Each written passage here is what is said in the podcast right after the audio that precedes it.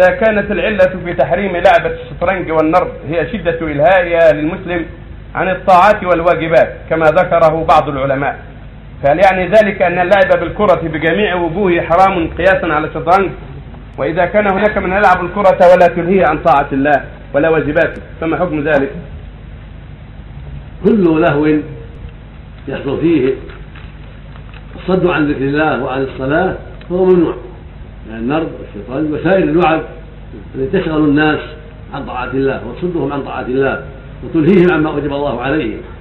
فإن الله جل وعلا قال يا أيها الذين آمنوا إنما الخمر والميسر والأنصار والأزلام رجس من عمل الشيطان فاجتنبوه لعلكم تفلحون. إنما يريد الشيطان أن يوقع بينكم العداوة والبغضاء في الخمر والميسر ويصدكم عن ذكر الله وعن الصلاة هل أنتم منتهون فالميسر هو المقامرة. والمقامرة تلهي المقامرة في المال تلهي الناس.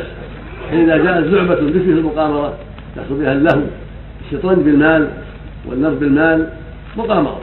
وإذا جاء الشيطان بغير مال أو يسمونها آه، لعبة يسمونها الأوراق اللي يلعبونها. بلوت.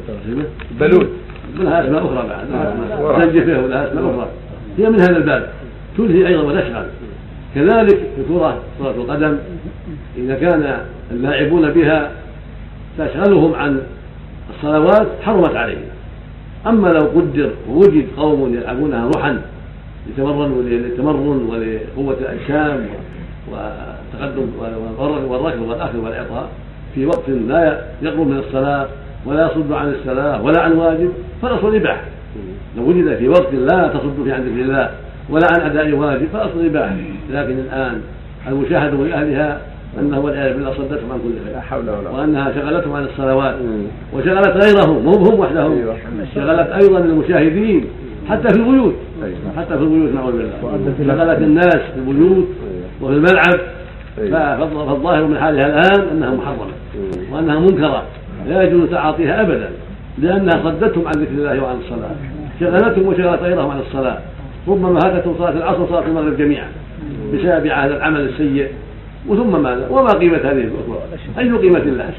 لولا أن الشيطان زينها لأهلها نعم لو قدر أنهم فعلوها في وقت لا تشغلهم لا نقول حرام لأنها لعبة ما فيها شيء من الربا ولا شيء من المنشر لكن الآن زاد أمرها وغلوا فيها حتى صارت والعياذ بالله صادة لهم عن أداء فريضتين صلاة العصر وصلاة المغرب إذا فعلوها العصر. وهذا من المنكر العظيم.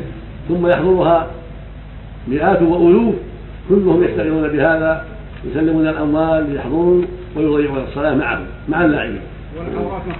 والعورات وهذا داء آخر أيضا إذا ظهر الفخذ عوره هذا منكر آخر.